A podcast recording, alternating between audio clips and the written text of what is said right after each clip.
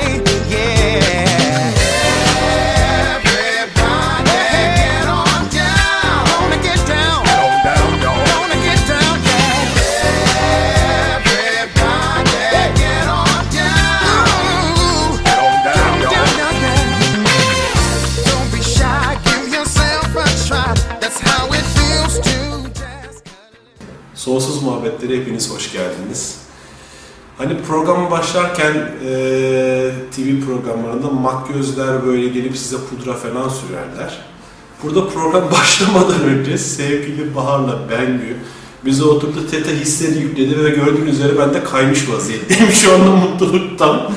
Böyle teta böyle bir şey işte enerji böyle o kadar güzel hissediyorum ki sıcak sıcak aynen kamerayı açıp bunları da paylaşmak istedim. Böyle üzerine bir huzur, bir dinginlik, Bir neşe. bir neşe hali çökmüş vaziyette. Teta böyle bir şey arkadaşlar. Çok güzel yükleniyor ve size öyle hücreleriyle ve bu güzel kadın sayesinde ben de kullanabiliyorum. Öğrendim. Ay teşekkür ederim. Bu güzel kadın şu kitabı çevirdi. Theta Healing'i kitabını çevirdi. Ve gerçekten Viyana'ya da çok teşekkür edelim. edelim. Şuradan da göstereyim kendisine. Bak, bu güzel tekniği bize kazandırdığı için ve iki gündür ben de bolluk bereket üzerine sevgili Begüm'ün eğitimindeydim. Sadece Theta Healing eğitimi olarak düşünmemek lazım. Çünkü ben senin eğitimlerinden özellikle hani tamam tekniğini öğreniyorsun ama çok derin felsefeler de kazanıyorum. Yani çok büyük bilgiler de kazanıyorum hayata bakış açısında ilgili. Hatta e, Theta Healing 1-2'yi aldıktan sonra Dick Deeper e, yap, yaparken erdemler konusuna girmiştim ve o erdemleri hiç unutmuyorum. Tüm hayatın aslında, tüm bu evrendeki dünyadaki yerimizi anlatan bir e, çalışmaydı. Dün bolluk bereket çalışmasında da iki gündür o kadar çok şey öğrendik ki bolluk bereketle ilgili. Tabii bolluk bereket deyince ilk aklımıza hemen para geliyor ama bolluk bereket bu değil. Bu değil ve sevgili Begüm bunu çok çok güzel anlattı. Ve bu programı yapmak istedik ki hepimizin ihtiyacı olduğuna inandığımız bir durum. Hepimizin durum sağ olsun kendisi de kabul etti. Şimdi önce sevgili Begüm çok teşekkür ederim her şey için. Ben- ben Gerçekten ediyorum. paylaştığın bilgiler, her şey için çok teşekkür ediyorum. Bolluk bereket deyince genelde hemen aklımıza para geliyor. Ama bu değil. Bunu sen Evet. defalarca söyledin. Nedir bolluk bereket? Bolluk bereketi anlatırken şöyle diyoruz aslında. Ee, eğer para hiç sorun olmasaydı hayatınızda neler yaratırdınız? Ee, çoğu zaman biz kendimizi paraya odaklıyoruz. Ve paraya odakladığımız zaman, sadece paraya odakladığımız zaman hayatımızda biraz hedefsiz kalıyoruz. Para kazanmak bir hedef değil. Mutlaka para kazandığımız zaman yapmak istediğimiz, gerçekleştirmek istediğimiz bir şeyler için para kazanmak istiyoruz. Ve hedefimizi o tarafa çevirdiğimiz zaman önümüzdeki engelleri, atmamız gereken adımları daha rahat görüyoruz ve evren hareket hissediyor. Biz hareket etmeye başlayınca bolluk, bereket ve para hayatımıza geliyor. Aslında bütün özet de bu. Yani o, orada aslında kalıyoruz. Bu soru çok önemli soru. Evet, Para hiç sorun olmasaydı gerçekten hayatını nasıl yaratırdın? aynen öyle. Şimdi mesela izleyenlere soralım. Yani şu Evet. anda zaten videoda seyrettiğiniz için canlı yayın olmadığı için bir dakika durdurun. Gerçekten hiç istediğiniz her şeyi yapabiliyorsunuz. Her şeyi yapabiliyorsunuz. Parayla ilgili hiçbir sıkıntınız yok. Ne yapardınız? İn- En çok da insanlar burada takılıyorlar.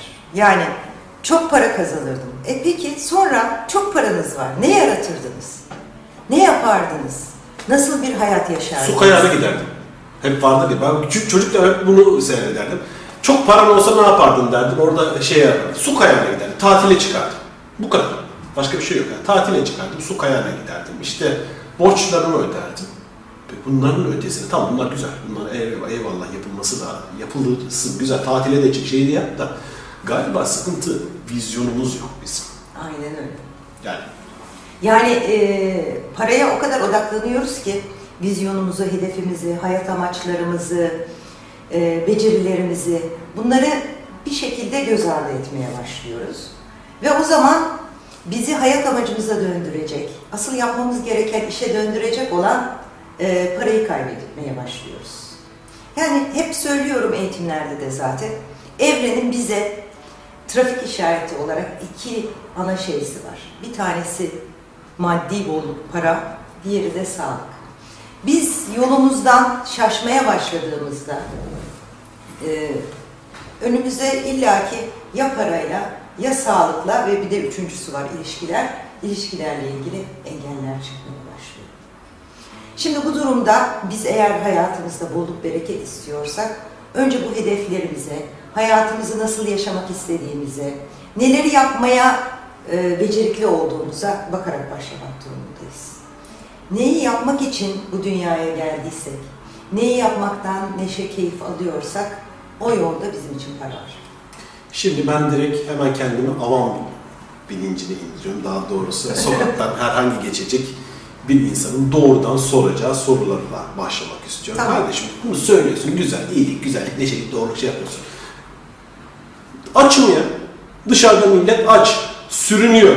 Cebinde para yok. Kredi kartına kol gibi şeyler gelmiş, faturalar gelmiş. Hani siz burada çok güzel konuşuyorsunuz, ediyorsunuz. Oh keyfiniz de yerinizde. E, Eğitime gelmek istesek eğitimlerin de ayrı ayrı maliyetleri var. Bir sürü şeyleri var. Hepimiz, hepimiz için kolay. Hepiniz için konuşmak kolay. Biz ne halt edelim? Evet. Şimdi böyle bir durum olduğunda önce diyoruz ki bu ne zaman başladı? Doğduğundan beri sürünüyorum arkadaş. Nereden biliyorsun süründüğünü? Nasıl anladın? Diyelim ki doğduğundan beri sürünüyorsun. Ne zaman fark ettin süründüğünü?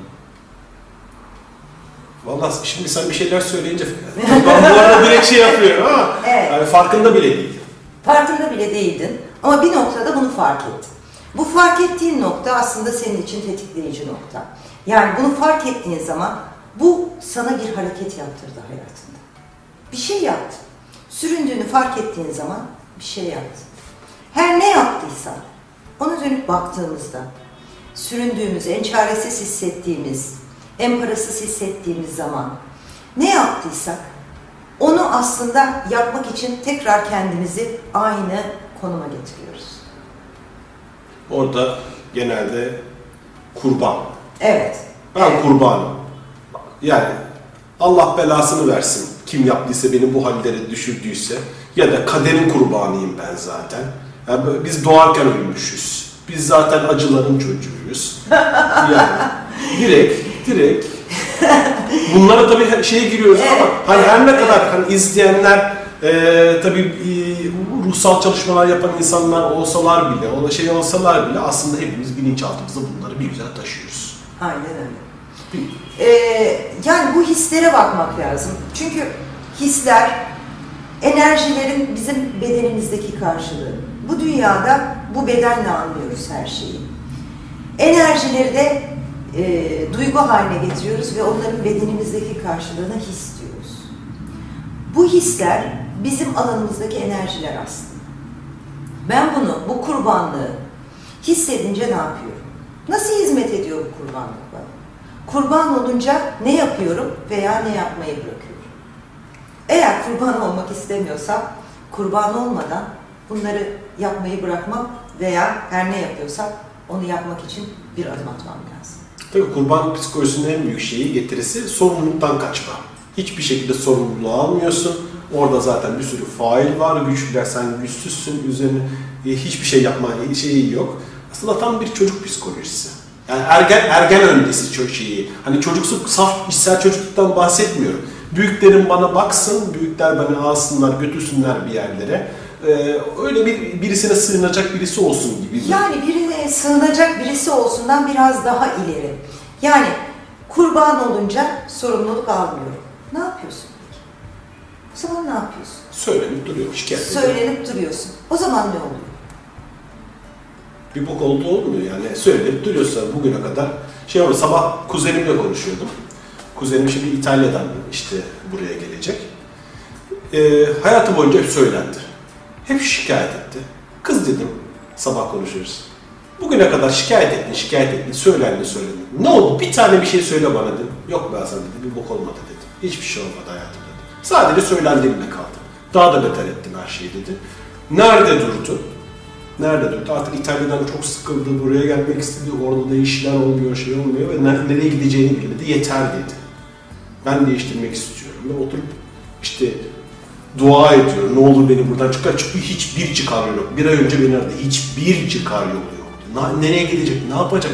Hiçbir fikri yok. Ve bir anda bir firma orada işte Türkiye'de ofis açma teklifi ediyorlar. Ve onlara geliyorlar. Bu arada şeyi söylüyor sabah açtı bana. Diyor ki ya Hasan diyor tüm İtalyanlar diyor siz manyak mısınız Türkiye'ye gidilir mi diyor diyor. E şimdi diyor orayı arıyorum diyor. İşte buradaki firmaları siz manyak mısınız? Niye geliyorsunuz? Biz burada sürünüyoruz. Ortam piyasa çok kötü. Siz ne yapıyorsunuz diyor diyor. Gerçekten o kadar kötü mü? Biz neyin içine geliyoruz? Dedi. Dedim kızım onlar kendi inançlarını yaratıyorlar. Ama hayatın gerçeği bu diyor. Hayatın gerçeği değil. O onların gerçeği. Onların gerçeği olduğu için bunu yaşıyor, yaşıyorlar.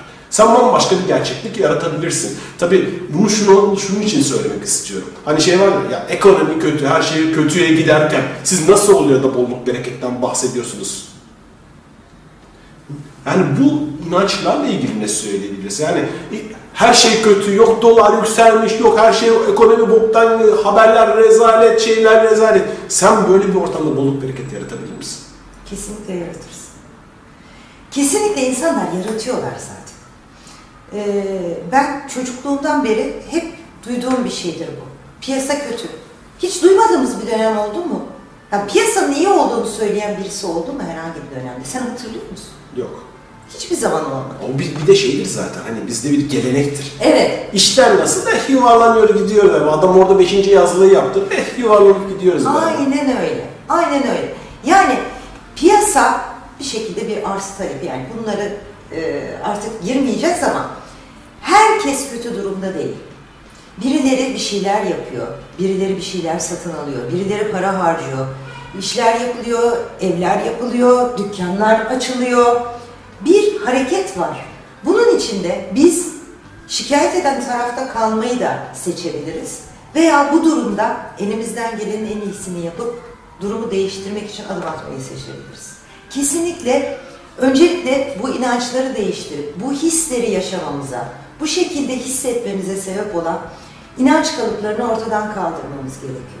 Ondan sonra kendimizde hareket edecek gücü de bulabiliyoruz. Ve biz harekete başladığımız zaman, adım attığımız zaman işte arkadaşının veya kuzeninin başına gelen gibi evren de bize destek olmaya başlıyor. Ben şimdi ne yapacağım deyip sürekli pişmanlık, acı, üzüntü içinde kaldığımda daha fazla onu arttırıyorum. Ama harekete geçmek için motive olduğumda o zaman evrenin bütün güçleri de bana yardımcı olmak için sıraya giriyor.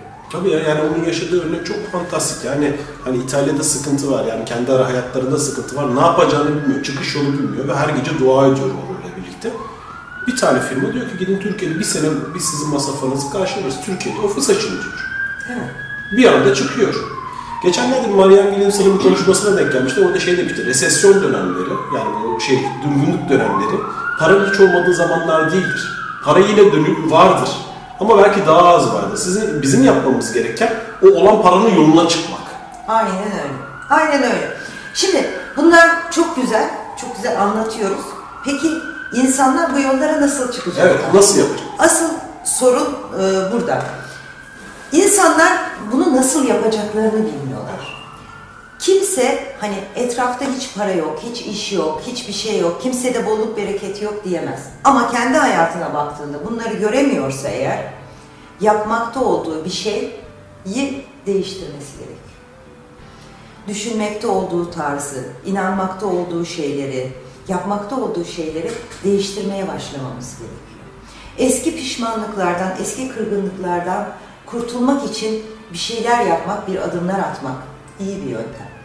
Ve ondan sonra ancak neşemizi, becerimizi, kendimizi dinlemeye başlayabiliriz. bana aslında ne neşe veriyor? Ne yaparken ben kendimi hissediyorum? Neyi yaptığım zaman mutlu oluyorum, neşeli oluyorum? İşte benim bereketim o. Bir de e, sabah yine e, çok somut bir örnek vermiştin sen eğitimde.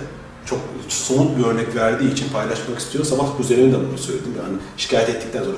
Bak kızım dedim, Begüm dedim bir şey söyledi bana. Bunu sen de yap. Bunu siz de duyun. Çok güzel bir örnek çünkü.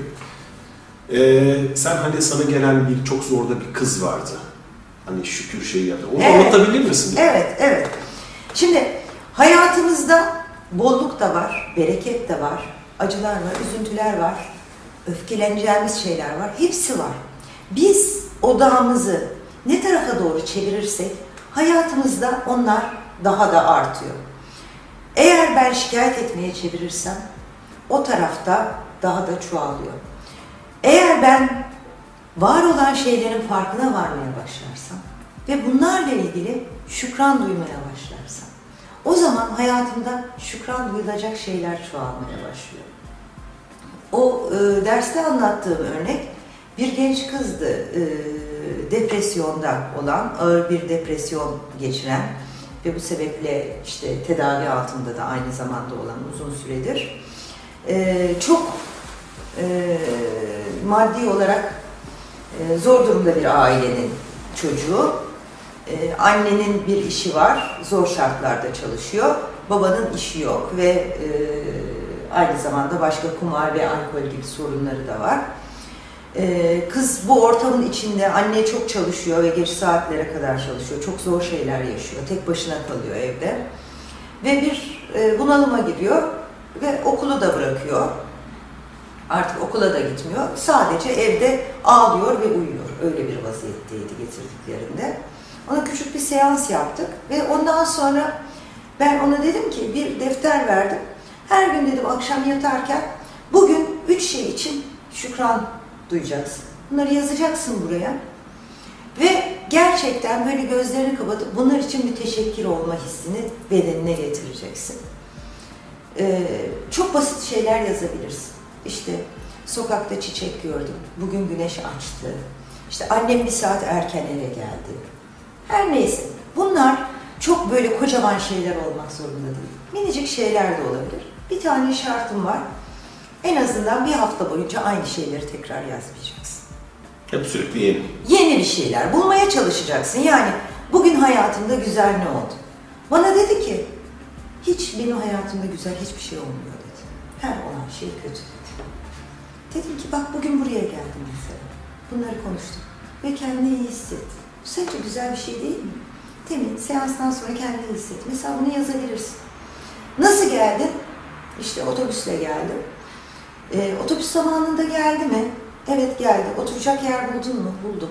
Bakın bak dedim iki tane daha bulduk. Rahatça geldim buraya. Otobüste oturarak geldim. Bunları da yazabilirsin. Sadece böyle böyle minik şeylerden başlayarak hayatınızda güzel olan şeyleri fark etmeye ve odaklanmaya başladığımızda hayatımızdaki güzel şeylerin inanılmaz bir şekilde çoğalmaya başladığını fark ediyoruz. Şükran çok önemli bir duygu. Teşekkür, minnet ve sevgi çok önemli duygular. Bunları hayatımızda çoğalttığımız zaman bereket, bolluk da onunla beraber çoğalmaya başlıyor. Hani biz merdivenin ucundakini görüyoruz. Mesela çok büyük bir şey var. Ve bir anda özellikle e, T- Türkiye'de karmada, bizim Türk karmasında belki şey var. En kısa şekilde oraya nasıl çıkarız? Ona bakıyoruz. Asansör arıyoruz, teleferik arıyoruz. Öyle 100 basamak ama arada 100 tane de basamak var. Bunları teker teker çıkmanın, çıkarak oraya ulaşabileceğimizi düşünmüyoruz. Hani bu senin söylediğin minik minik şeyler.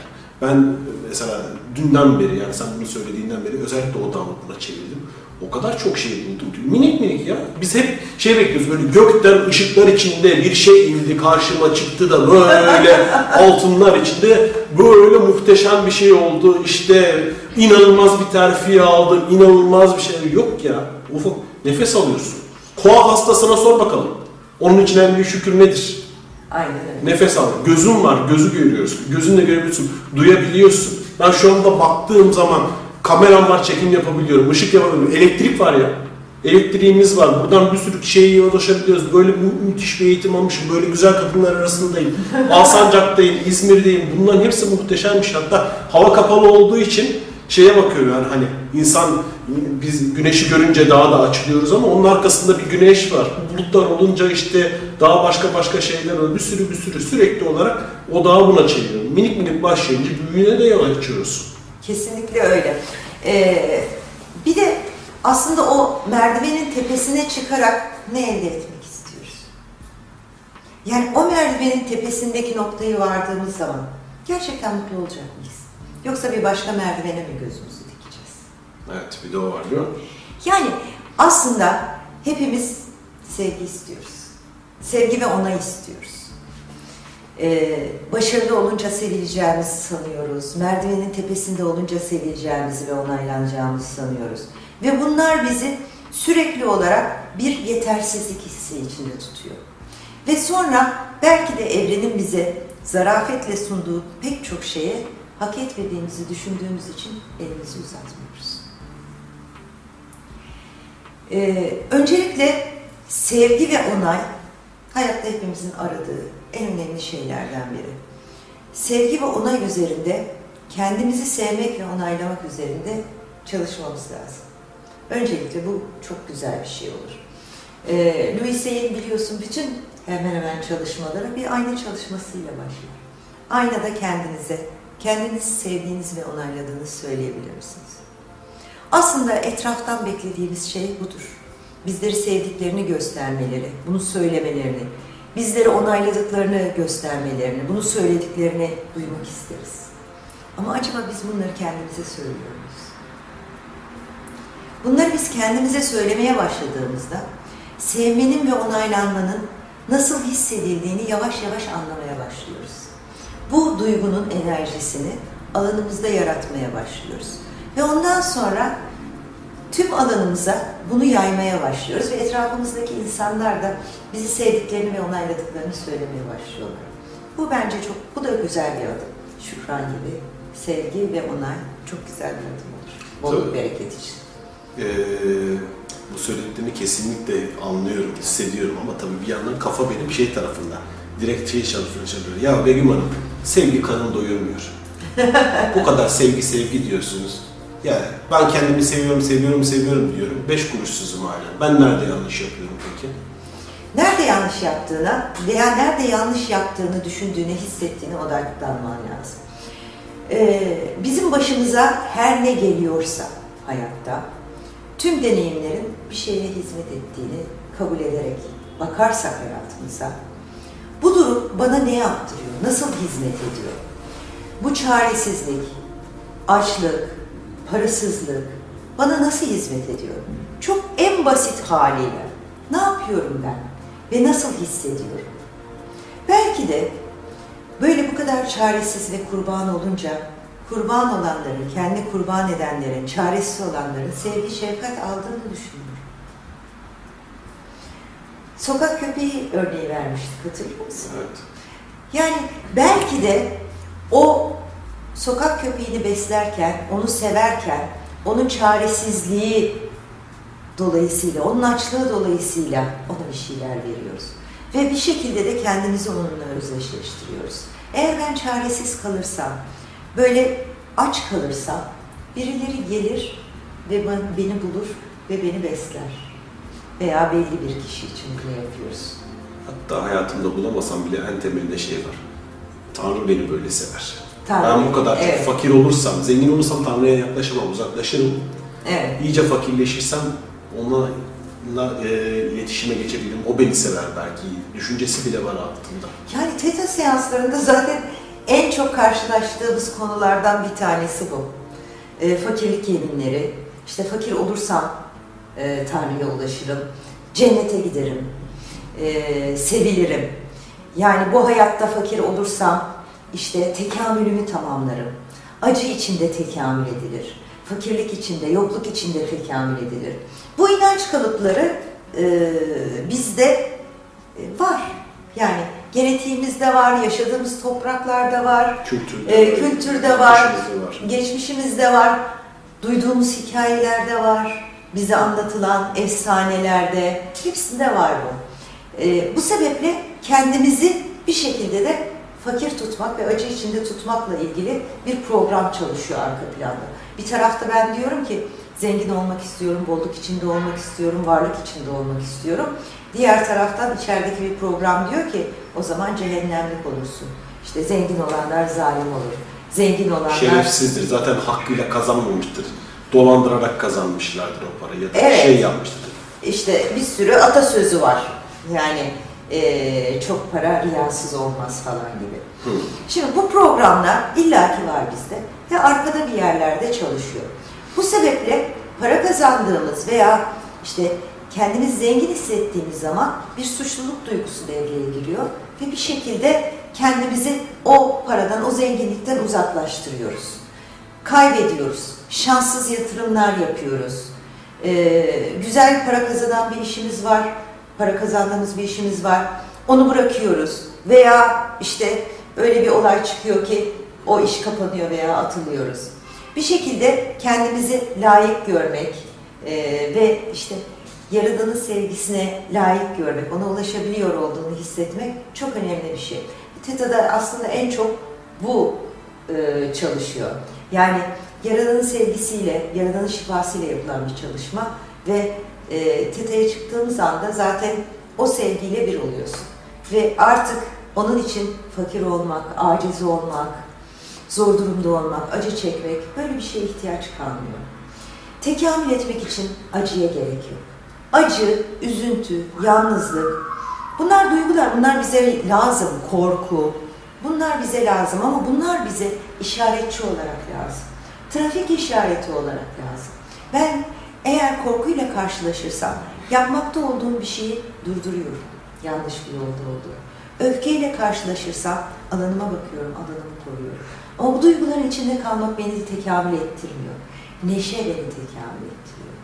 Beni iyi bir şey yapmak, kendimi iyi hissetmek, hizmette olmak, erdemleri geliştirmek bunlar beni tekamül ettiriyor. Ben sanıyorum ki acı içinde olursam bunları yapacağım. Halbuki tam tersi. Acı içinden çıkmam, kendimi değiştirmem, inançlarımı, düşüncelerimi, hayat tarzımı değiştirmem için bana bir işaretçi. Çok güzel oldu bu. Ben acıyla ilgili bir şey düşünüyorum. Ee,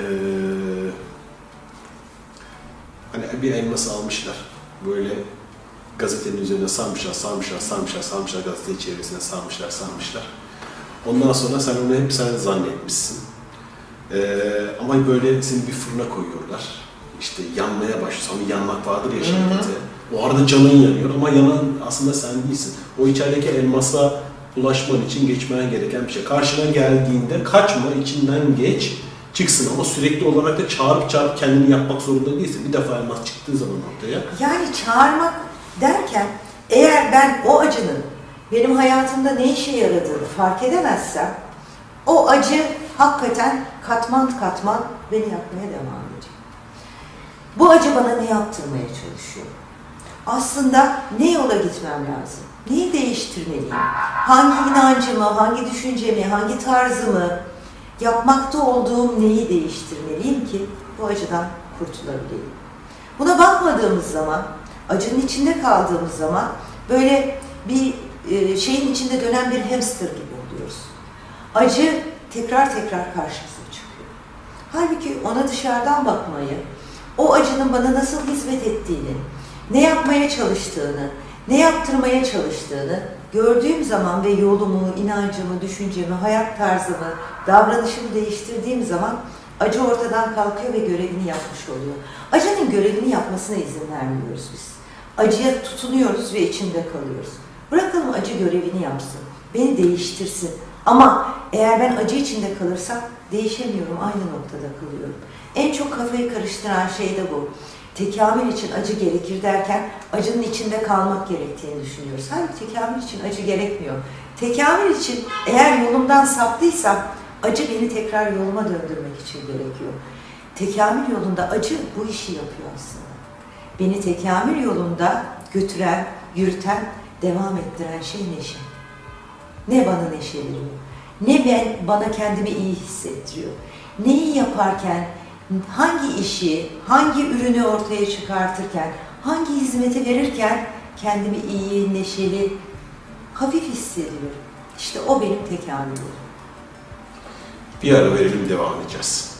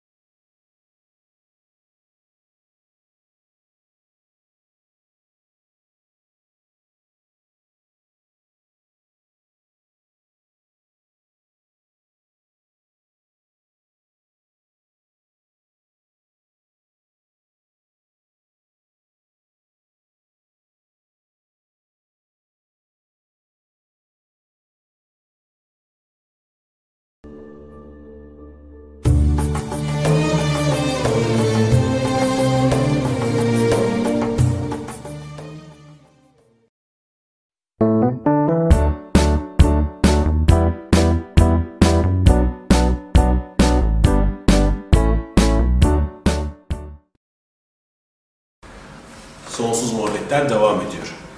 Şimdi Begüm, direkt şu konuya da konuşalım. Para nedir? Para diğer her şey gibi enerjidir. Değiş tokuş aracıdır. Para, para başka bir şey değildir. Sadece ve sadece enerjidir. Eğer paranın sadece enerji olduğunu anlayabilirsek, her enerji gibi onun da akar halde kalmasının önemli olduğunu da anlayabiliriz. Yani bana gelecek, benden geçecek ve tekrar bana gelecek. Hava gibi yani. Evet, aynen öyle.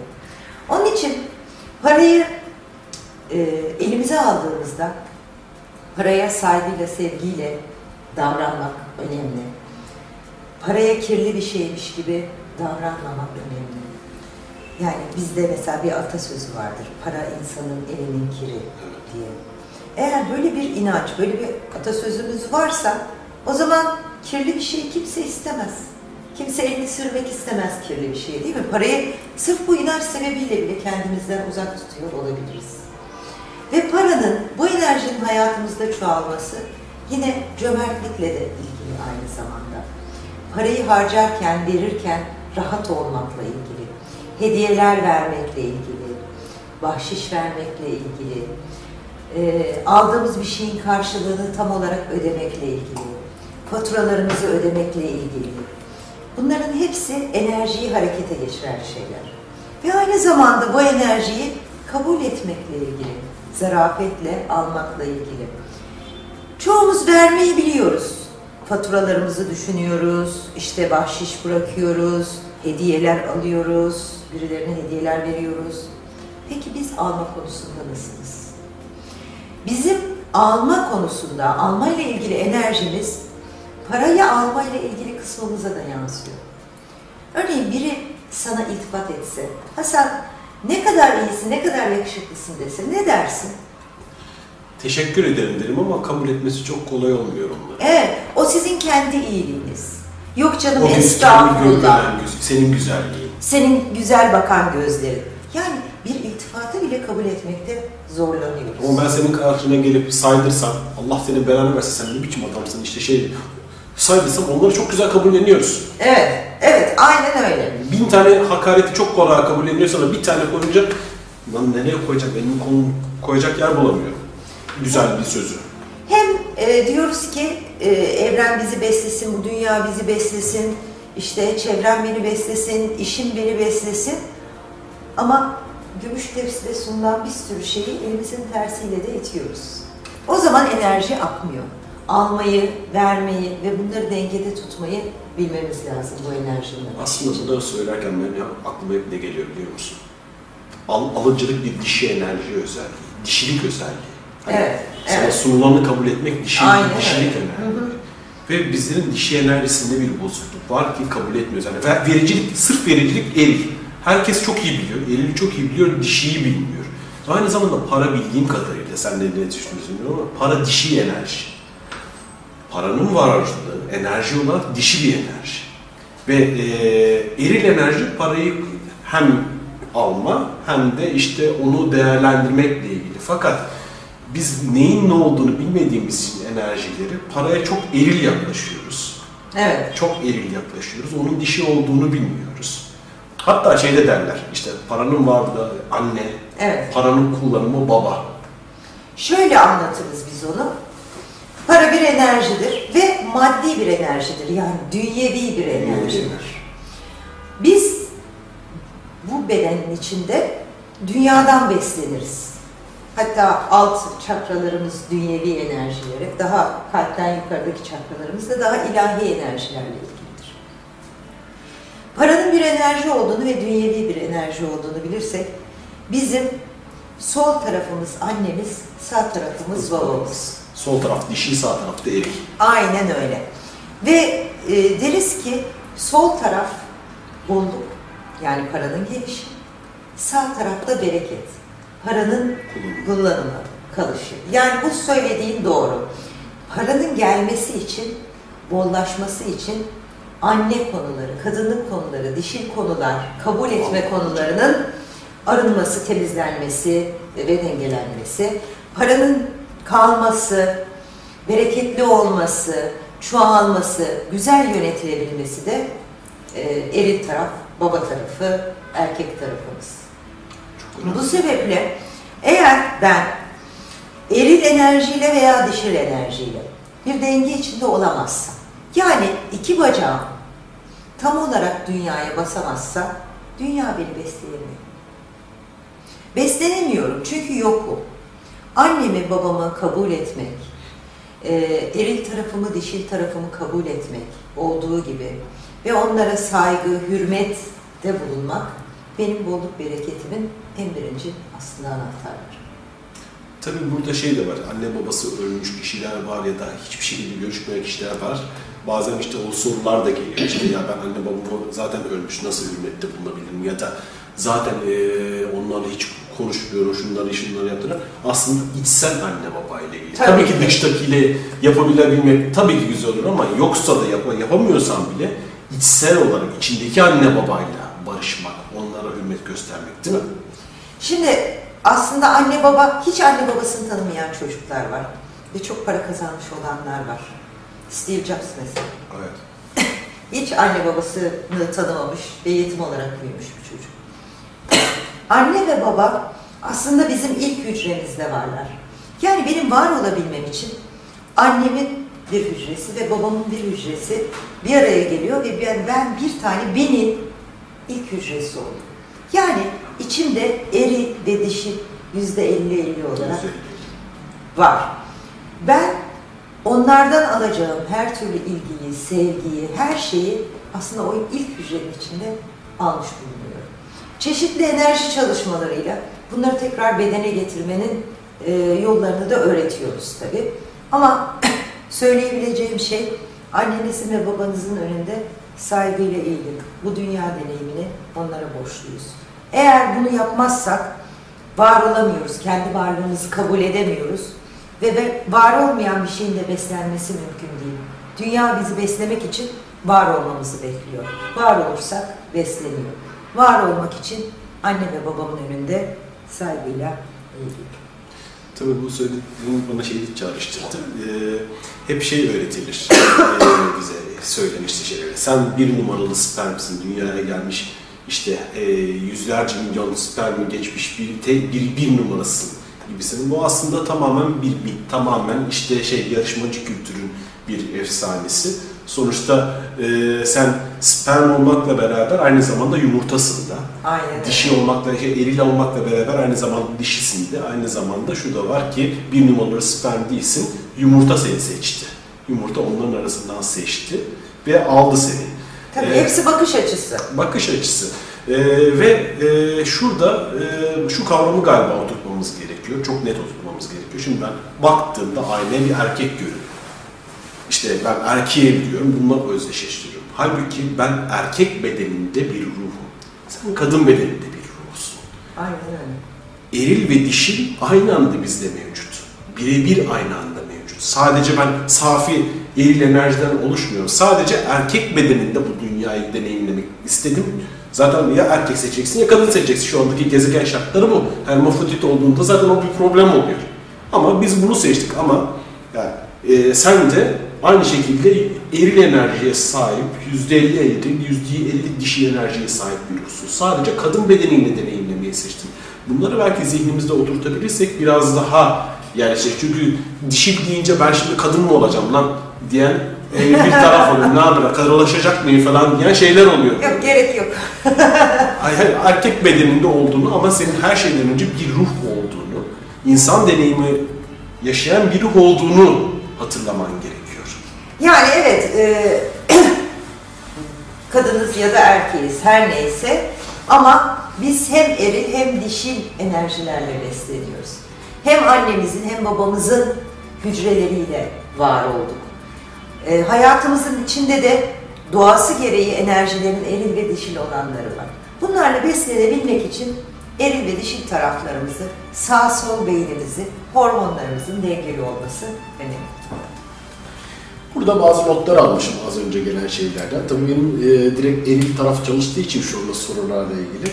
Ya tamam şimdi hep söylüyorlar bolluk berekli işte sen aç sana evren verir. Ya dünyada bu yeterince bu kadar para var mı ya? Gerçekten evren bu kadar beni besleyebilecek kadar para var mı? Ekonomistler çıkıyor işte her şey yetersiz, kaynaklar yetersiz, sınır, sınırlı derken şimdi siz çıkıyorsunuz karşımıza e, tabii bu hep genel sorular olduğu için kaynaklar sınırsız, şeyler para sınırsız. Hani burada birisinden birisi e, saçmalıyor gibi geliyor. Muhtemelen siz saçmalıyorsunuz çünkü orada işte bilim adamları var, şeyler var.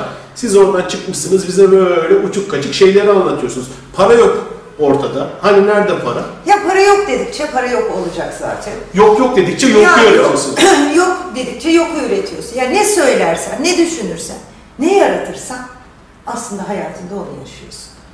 Diğer taraftan aslında en bol olan şeylere yok demekle ilgili bir şeyimiz var. Bir ara dünyada suyun biteceğinden bahsediyorlardı. Hatırlıyor musun?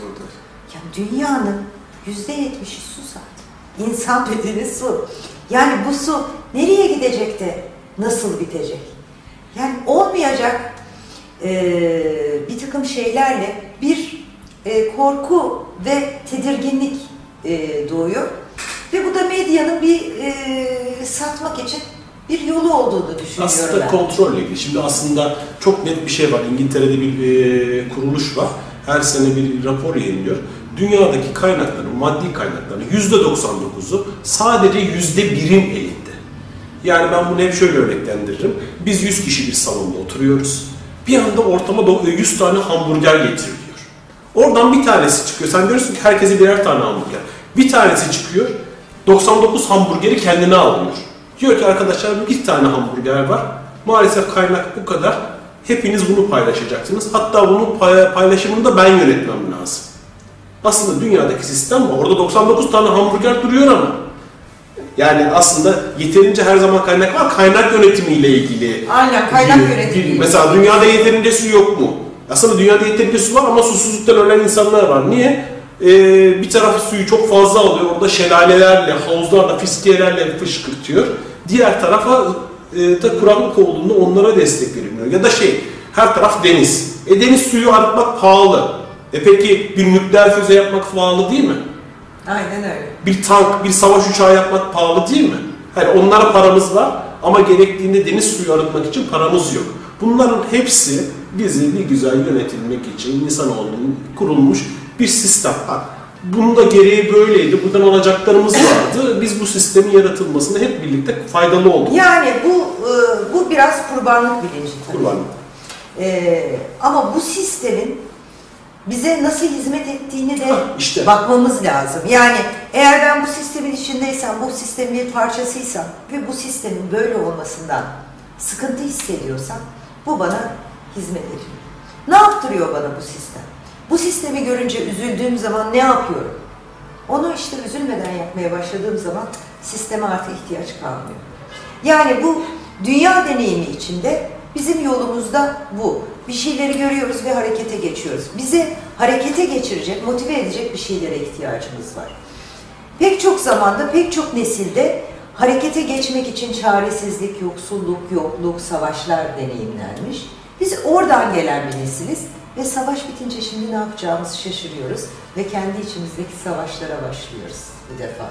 Evet, yani sürekli olarak e, yaratıp yaratıp yeniden aynı şeyleri yapıyoruz. Yani şimdi mesela gerçekten e, şöyle bir soru vardı bir defa. E, kaç kişiye de sordum bilemediler. Daha doğrusu kaldı bu soru. Eyvah Bilmiyorum. 12 puan uzman sorusu Evet. geliyor. Joel, Joel Black diye bir film vardı. İşte Evet. Brad Pitt'le Anthony Hopkins oynuyor. evet hatırlıyorum. Filmin sonunda Anthony Hopkins şunu söylüyor. Şöyle bir repliği var.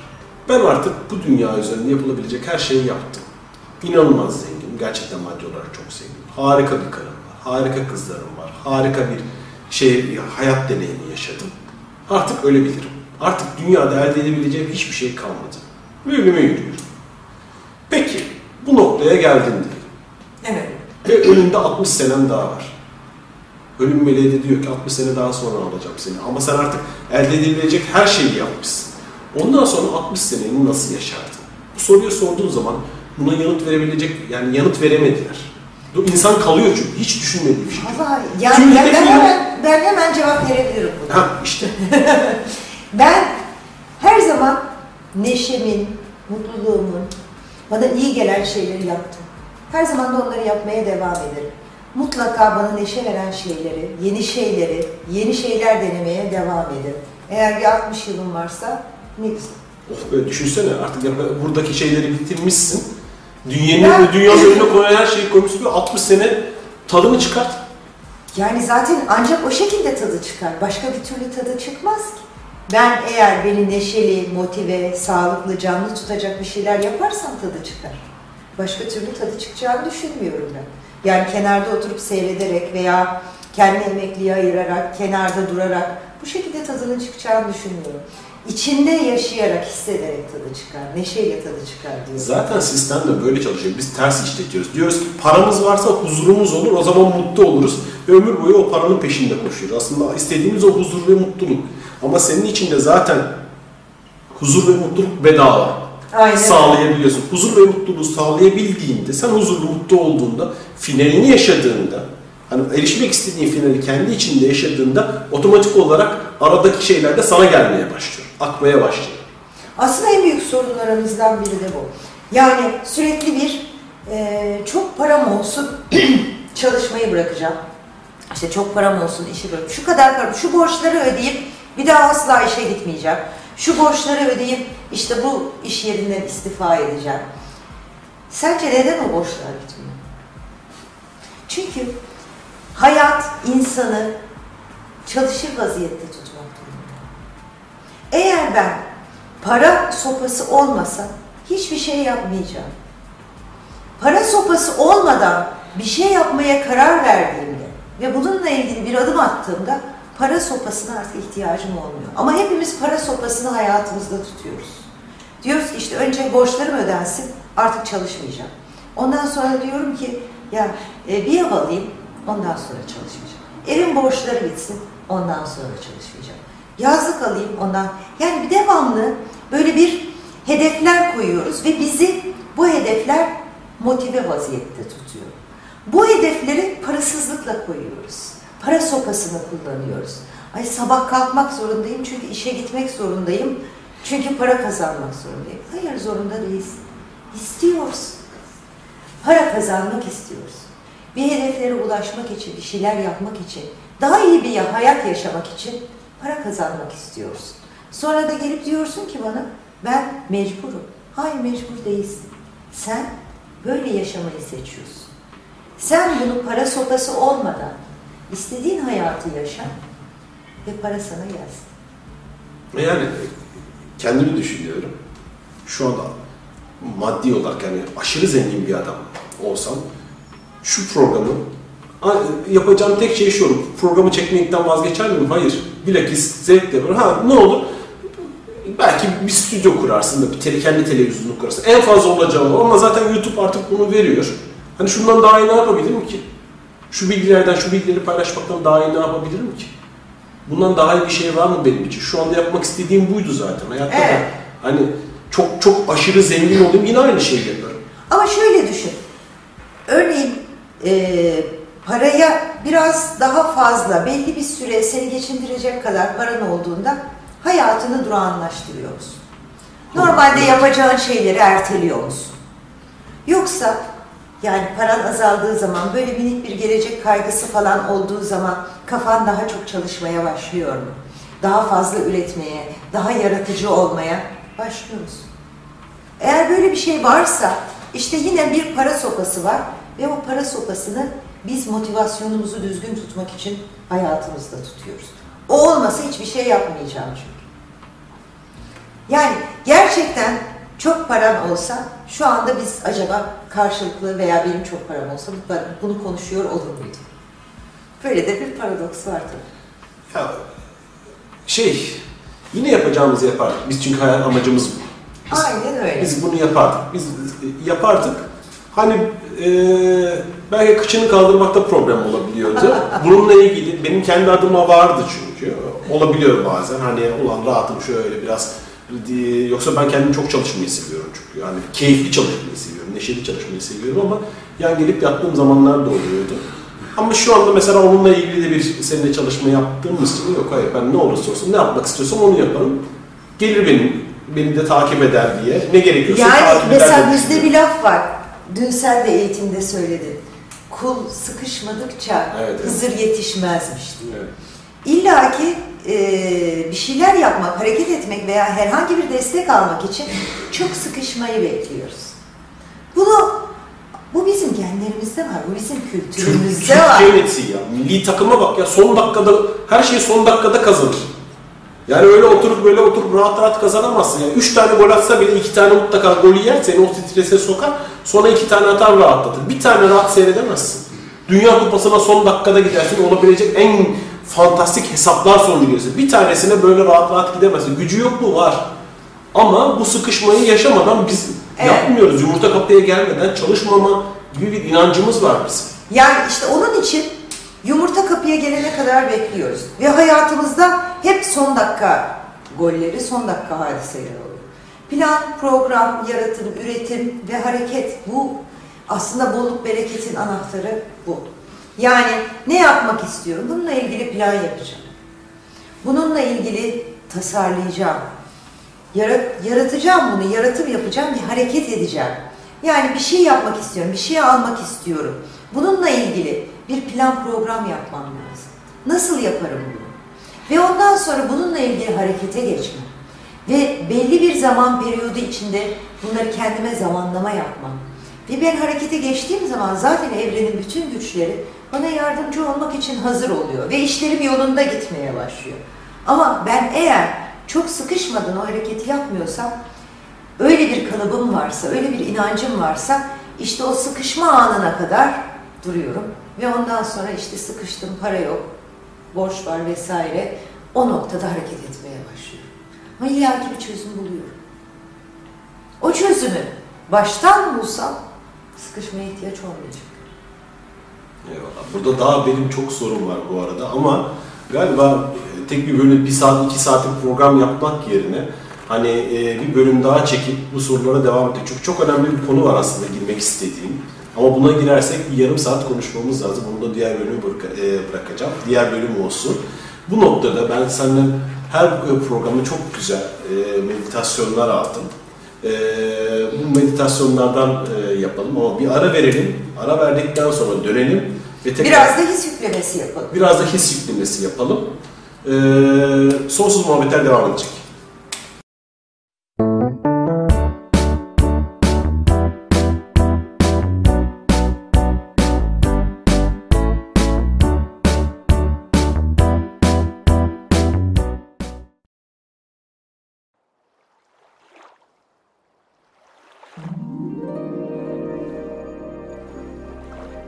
Koskocaman bir gülümseme kapladı yüzünü. Çok az kaldı biliyor musun? Hem de çok az. Doğmak üzere olan bir bebek gibisin. Rahmin duvarlarını yokluyorsun. Ama çok az daha sabret. Sorularının yanıtını bulmakla kalmayacaksın tahmin edebileceğinden çok daha fazlası gelecek hayatına. Sadece sen değil, bu mesajı okuyan ve yüreğinde hisseden herkes hazırlansın. Ben senin sonsuzluk rehberinim. Ben senin sonsuzluk rehberinim. Sonsuzluk rehberinim.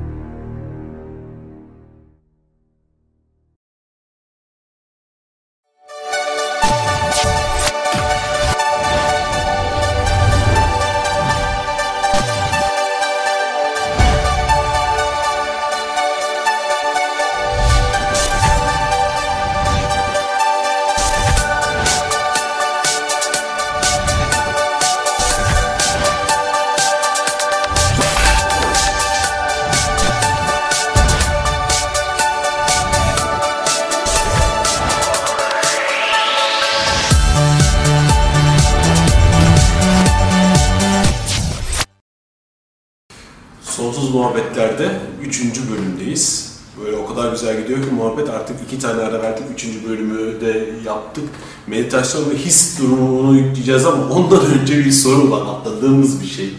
Ee, şükür çalışmasını yapan kıza sonra ne oldu? Ay evet. Ee, o e, harika şeyler oldu onunla ilgili. Ee, bir meslek okuluna başladı. Mevcut lisesini bıraktı. Meslek okuluna başladı. Çok yetenekli bir kızdı aslında. Ee, geldiğinde böyle saçlarını falan kendi yapmıştı. Kim yaptı bunları dedi. Ben kendim yaptım dedi. Çok da beğenmiştim. Kuaförlük okuluna başladı. Ve başladığı kuaförlük okulunda aynı zamanda hem okuyor hem e, çalışıyor part-time. Hem mesleği de hazır gibi oldu. E, depresyondan çıktı. Oh. E, ve hayatında her şey yoluna gitti. E, şimdi güzel haberlerini almaya devam ediyorum. Yazmak bu noktada çok mu önemli? Hani ben günün içinde bunu yazmadan sürekli olarak hep odağımı şüküre çevirdiğimde de benzer bir sonucu alabilir miyim? Yoksa illa yazmak mı gerekiyor? Yazmak biraz daha güçlendirici bir şey. Yani düşündüğün zaman belli bir noktada kalıyor ama Yazdığın zaman görsel olarak da Tabii, onu e, Kaydediyorsun. Evet kaydediyorsun. Eğer hele görsel biriysen yazmak Hatta bir de sesli olarak okursan kulağa tabii da gelir. aynen aynen öyle olur. Bir de üzerine güzel koku da damlat. Oh bir de kokla tüm duyularla beraber beyni işi tadından yanıyorsun. Aynen öyle. Zaten duyularla böyle hislerle anlıyoruz her şeyi kaydediyoruz. Onun için aslında hani burada yeri gelmişken yazdıklarımıza da dikkat edelim derim ben. Ee, neler yazıyoruz, nasıl ifade ediyoruz, hayatı, insanları, sözlerimize dikkat edelim. Para hakkında neler söylüyoruz, neler konuşuyoruz, hayatımızla ilgili nasıl yargılarda bulunuyoruz. Az önce mesela konuşurken aşırı zenginlik dedim. Zenginlik aşırılıktır dedim. Evet, örneğin. Al işte yani. Az önce daha konuştuk. Aşırı zengin olsa bunu şey yaparım. Halbuki yapabileceğim şey şuydu. Para e, sorunu olmasaydı ya da para sıkıntı olur neler yapabilirdim? Ama ifade ederken öyle kalıp diyor ki aşırı zengin olsam da bunu yaparım. Aşırı. Aşırı. Evet, parayı aşırı bulduğumuz eğer cümlelerimiz, düşüncelerimiz varsa, parayı kötü bulduğumuz, parayla ilgili kötü sıfatlar taktığımız, bunları değiştirelim bilinçli bir çabayla. Ee, yazdığımız şeyler, kendimizden bahsederken sürekli acaba kurban gibi mi bahsediyoruz kendimizden? Kendimizi hep aşağılarda, aşağı olan taraf, geliştirilecek taraflarımızı mı daha öne çıkartıyoruz kendimizi e, tanımlarken? Bunlara bakalım ve iyi taraflarımızı, güzel taraflarımızı kendimizde de görmeye ve onları da biraz tanımlamaya başlayalım kendimizi. Bunlar hayatımıza bolluk bereketin enerjisini, frekansımızı yükselterek her şeyi getirecektir. Eyvallah. Şimdi o zaman güzel bir meditasyon zamanı. Şimdi Yani önce yükleme önce biraz his yüklemesi yapalım. Ve e, bu arada da diyelim ki ben size bu his yüklemelerini yaparken e, siz gözlerinizi kapatın bu videoyu dinlerken, e, seyrederken bu bölümde gözünüzü kapatın ve hani en başta bir soru sormuştuk e, programa başlarken Hasan'la. Demiştik ki eğer para sorunu olmasaydı hayatınızda ne yaratırdınız? Onu bir düşünün bakalım. Hiç para sorununuz olmasaydı sizi ne neşe verirdi? Sizi ne mutlu ederdi? Biraz gözünüz kapalıyken onu düşünün. Ondan sonra da meditasyona geçelim. Sonra bu hayalimizi meditasyonumuzda da kullanalım. Evet, öncelikle paranın bir enerji olduğunu size tanıtmak isterim. Paranın bir enerji olduğunda bunun nasıl hissedildiğini bilmek ister misiniz? Evet. Paraya açık olmanın, parayı kabul etmenin nasıl olduğunu, mümkün olduğunu, güvenli olduğunu, buna izinli olduğunuzu, izin verildiğini, bununla ilgili Tanrı gerçeğini bilmek ister misiniz? Evet.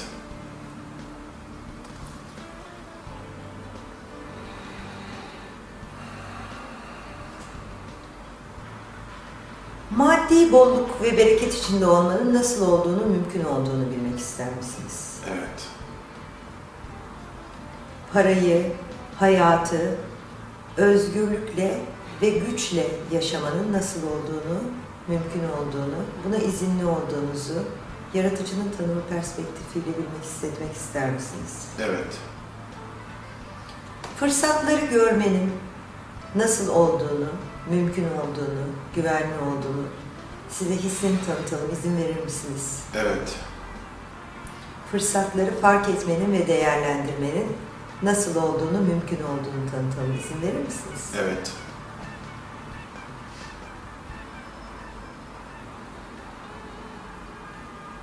En yüce ve en iyi şekilde hayat yolunuzda siz sevgiyle, neşeyle attığınız her adımda ilahi olarak desteklenmenin ve ilham almanın, yönlendirilmenin nasıl olduğunu, mümkün olduğunu bilmek, hissetmek ister misiniz? Evet. Bolluğu, bereketi hayatınıza çekmek ve hayatınızda tutmanın nasıl olduğunu, mümkün olduğunu, güvenli olduğunu yaratıcının tanımı perspektifiyle bilmek, hissetmek ister misiniz? Evet. Peki. O zaman hazır gözlerimiz kapalıyken minik bir meditasyon yapalım. Derin bir nefes alın ve rahatlayın. Bir nefes daha alın. Ve bu nefes bedeninizin her hücresine giderken aslında tüm bedeninizin enerji olduğunu düşünün. Her bir organınız, her bir damarınız, kanınızın her bir damlası sadece enerji. Siz sadece enerjisiniz. Fark edin. Ve oturduğunuz yeri düşünün, koltuğu, sandalyeyi. Aslında o da sadece enerji. Moleküllerini, atomlarını düşünün. Sadece enerji olduğunu fark edin. Siz de sadece enerjisiniz. Oturduğunuz koltukta sadece enerji. Ve koltuktaki enerjiyle sizin enerjinizin gidip gelmeye başladığını, birbirine karışmaya başladığını hissedin. Aslında hepsi sadece enerji. Koltukla bir olduğunuzu düşünün. Aslında bulunduğunuz yerdeki, odadaki her şey sadece enerji. Tüm eşyalar, tüm insanlar, tüm duvarlar, kapılar, hepsi sadece enerji. Siz de sadece enerjisiniz. Genişleyin. Tüm odayla bir olun. Aslında bu odanın bulunduğu bina sadece enerji. Kolonları, duvarları, çatısı sadece, hepsi sadece enerji. Siz de enerjisiniz. Genişleyin. Tüm binayla bir olduğunuzu düşünün. Aslında bütün şehir sadece enerji. Tüm yollar, tüm binalar, tüm insanlar, tüm arabalar hepsi sadece enerji. Siz de sadece enerjisiniz. Genişleyin. Tüm şehirle bir olduğunuzu düşünün. Bütün ülke sadece enerji. Tüm insanlar, tüm şehirler, tüm dağlar, ovalar, göller, denizler hepsi enerji. Siz de enerjisiniz. Şimdi genişleyin ve tüm ülkeyle bir olduğunuzu düşünün. Aslında bütün dünya sadece enerji. Tüm ülkeler, tüm ırklar, tüm insanlar, tüm okyanuslar, tüm dağlar hepsi sadece enerji. Bütün uçaklar, bütün gemiler, bütün hayvanlar, bütün balinalar hepsi sadece enerji. Siz de enerjisiniz. Genişleyin. Bütün dünyayla bir olduğunuzu düşünün. Aslında bütün evren sadece enerji. Bütün gezegenler, bütün yıldızlar, bütün güneşler, bütün uydular hepsi sadece enerji. Siz de enerjisiniz. Genişleyin ve bütün evrenle bir olduğunuzu düşünün.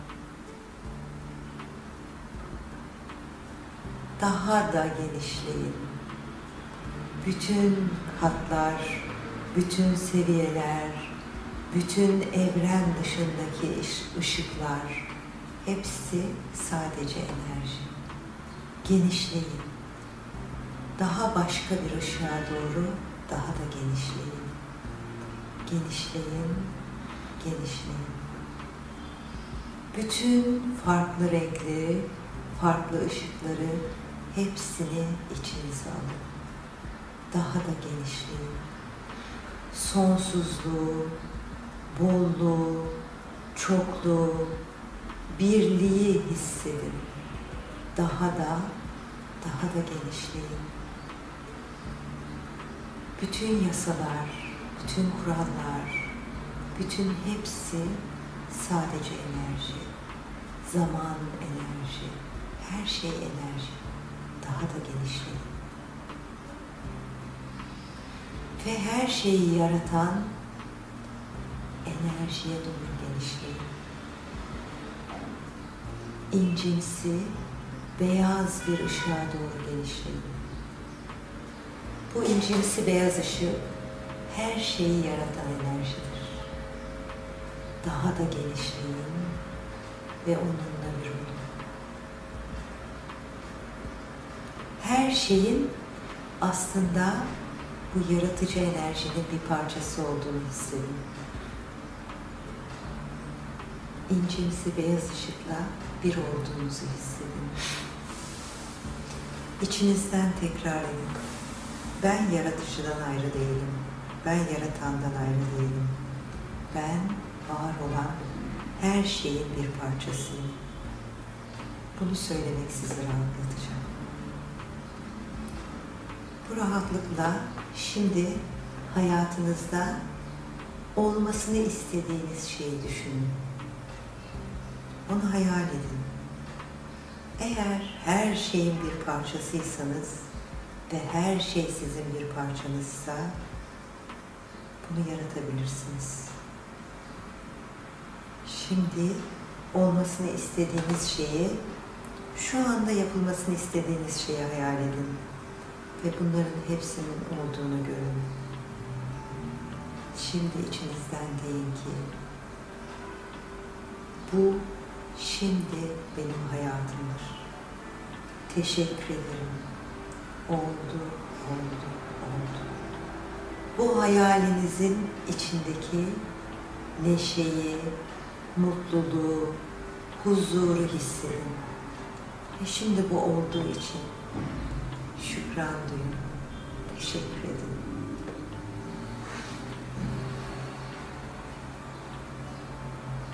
Bunun olduğunu hissedin. Şimdi var olan her şeyle olan bağlantınızı tekrar hissedin. Üzerinde oturduğunuz koltuktan, kalbinizin içindeki kanın damlasından, evrenin tüm parçalarına kadar. Şimdi bu enerjinin tümü sizin hayalinizi gerçekleştirmek için çalışıyor. Her şey mümkün. Her hastalık geçebilir. Her şey var edilebilir. Şu anda yaratmayı istediğiniz her şey gerçek olabilir. Derin bir nefes alın ve rahatlayın. Şimdi bundan sonra istediğiniz hayata bu hayatı yaratmış olmanın bilinciyle devam edin. Derin bir nefes alın ve nefesinizi verirken gözlerinizi açın. Harika bir gün geçirin.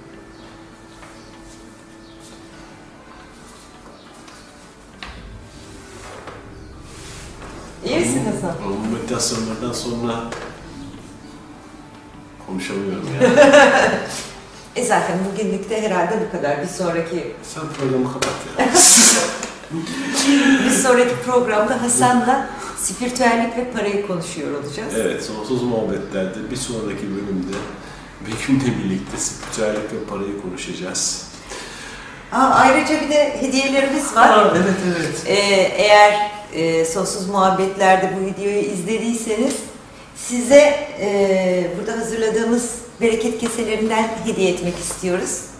E, iyilikmerkezi.com'a ilk giren ve mail atan bizden bu bereket keselerinden isteyen 5 kişiye bu bereket keselerinden e, kargo ile göndereceğiz. Kargo ile yollanacak iyilikmerkezi.com'a giriyorsunuz ve oradan e, mail atıyorsunuz. İlk gelen 5 maili Evet, İyilik hediyemiz var. Merkezi'nin Şimdiden geldi bolluk bereket geldi, hayatımıza. bolluk bereket, gel- bolluk bereket geldi ve iyilik merkezinin Begüm'le birlikte melekleri var.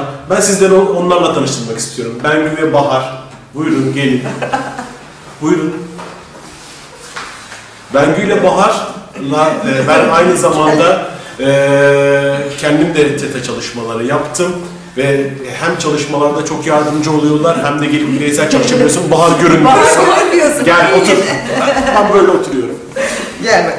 Sizinle hep beraber Bengül Bahar eşliğinde veda etmek istiyoruz. Bir sonraki bölümde tekrar Begüm'le birlikteyiz. Çok çok önemli bir bölümü, konuyu, spiritüellik ve para ilişkisini konuşacağız. Sonsuz muhabbetleri izlediğiniz için çok teşekkür ederiz. Sevgili Bengü ve Bahar'a e, özellikle program öncesinde burada yaptıkları güzel ruhani makyaj için çok teşekkür ediyorum. Begüm verdiğin bu muhteşem bilgiler ve az önce beni uçurduğun, hepimiz uçurduğun meditasyon için e, çok teşekkür ediyorum. Sonsuz muhabbetlerde bir sonraki bölümde görüşmek üzere. Hayatınıza bolluk, bereket, para aksın. Görüşmek üzere. Amin.